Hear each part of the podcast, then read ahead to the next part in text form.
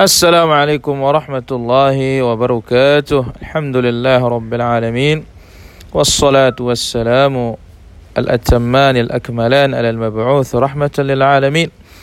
نبينا محمد وعلى آله وأصحابه ومن استنى بسنته إلى يوم الدين أما بعد. أيها المسلمون والمسلمات رحمني الله وإياكم جميعا. Alhamdulillah pada jumpa sore hari ini Allah Azza wa Jalla berikan kita taufik untuk melanjutkan bahasan kita dari kitab Syarhus Sunnah oleh Imam Al-Muzani rahimahullahu taala. Sekarang kita lanjutkan ucapan Al-Musannif rahimahullah tentang iman. Qala rahimahullah la imana illa bi amalin wa la amala illa bi imanin. Tidak ada iman kecuali adanya amal sebagaimana tidak ada dikatakan amal itu benar kecuali dengan iman. Ini merupakan hasil dari apa yang sudah dijelaskan sebelumnya. Jikalau ucapan dan amalan ini adalah dua hal yang tidak bisa dipisahkan, maka dengan demikian hasil dari keimanan itu adalah la iman illa bi amal. Tidak ada iman kecuali ada amal. Dan tidak ada amalan kecuali dengan iman. Maka di dalam ucapan al-musannif rahimahullahu taala ini menunjukkan bagaimana hakikat pemahaman dari kelompok al-murji'ah yang mengeluarkan amalan dari iman. Itu sebabnya mereka dikatakan murji'ah.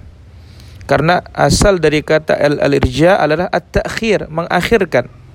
Ketika mereka mengeluarkan amalan dari iman, maka itu sebabnya para ulama salaf menamai kelompok ini dengan kelompok murjiah. Al-Imam Al-Humaydi rahimahullah ta'ala yang wafat tahun 219 telah mengatakan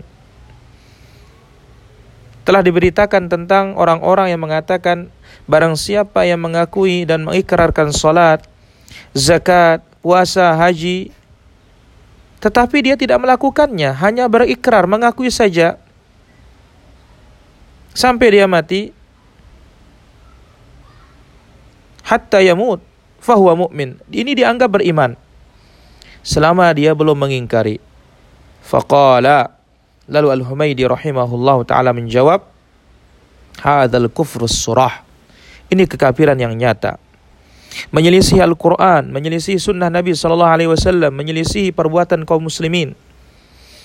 Yang mana Allah Azza wa Jalla berfirman dalam suratul Bayyinah, wa ma umiru illa liya'budullaha mukhlishina lahuddin hunafa wa yuqimus shalah wa yutuz. Tidaklah mereka diperintahkan melainkan agar beribadah hanya kepada Allah dengan memurnikan seluruh ibadah hanya untuk Allah. Condong kepada tauhid, jauh dari syirik serta mendirikan salat dan menunaikan zakat. Maka akidah Ahlus Sunnah wal Jamaah yang telah ditegaskan di dalam nusus nas-nas Al-Quran dan Sunnah bahwasanya amalan itu adalah hakikat dari keimanan. Dan keharusan dari keimanan adalah beramal. Dan itu adalah buah dari iman. Tidak mungkin akan terwujud iman di dalam hati dengan iman yang jujur tanpa adanya amalan.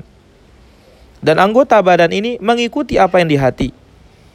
Sebagaimana sabda Nabi alaihi salatu wassalam, Ala wa inna fil jasadi mudghah. Ketahuilah di dalam tubuh kita ada segumpal daging. Idza saluhat apabila ada baik saluhat atau saluha al jasadu kulluh. Baiklah seluruh anggota badan ini. Wa idza fasadat apabila dia rusak fasadal jasadu kulluh maka rusaklah seluruh anggota badan yang ada.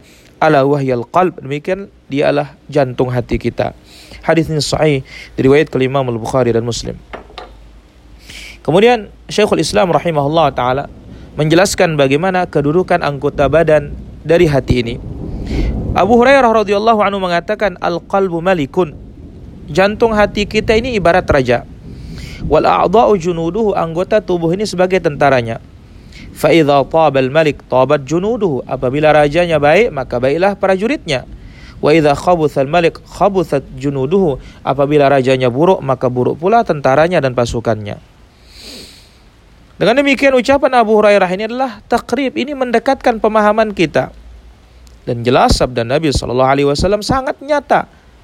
Ketika raja baik, ya tentu tentara-tentaranya silahkan dia memilih. Terkadang tentaranya mentaati rajanya, terkadang ya tentaranya melawan rajanya. Tentu di antara tentara itu ada yang baik, ada juga yang buruk. Namun kebaikan disertai dengan keburukan atau keburukan disertai dengan kebaikan. Itulah dia antara raja dengan tentaranya. Adapun urusan hati berbeda. Karena badan ini akan mengikuti hati dan tidak pernah akan keluar dari kehendak hati. Oleh karena itu betapa pentingnya kita memperhatikan urusan hati.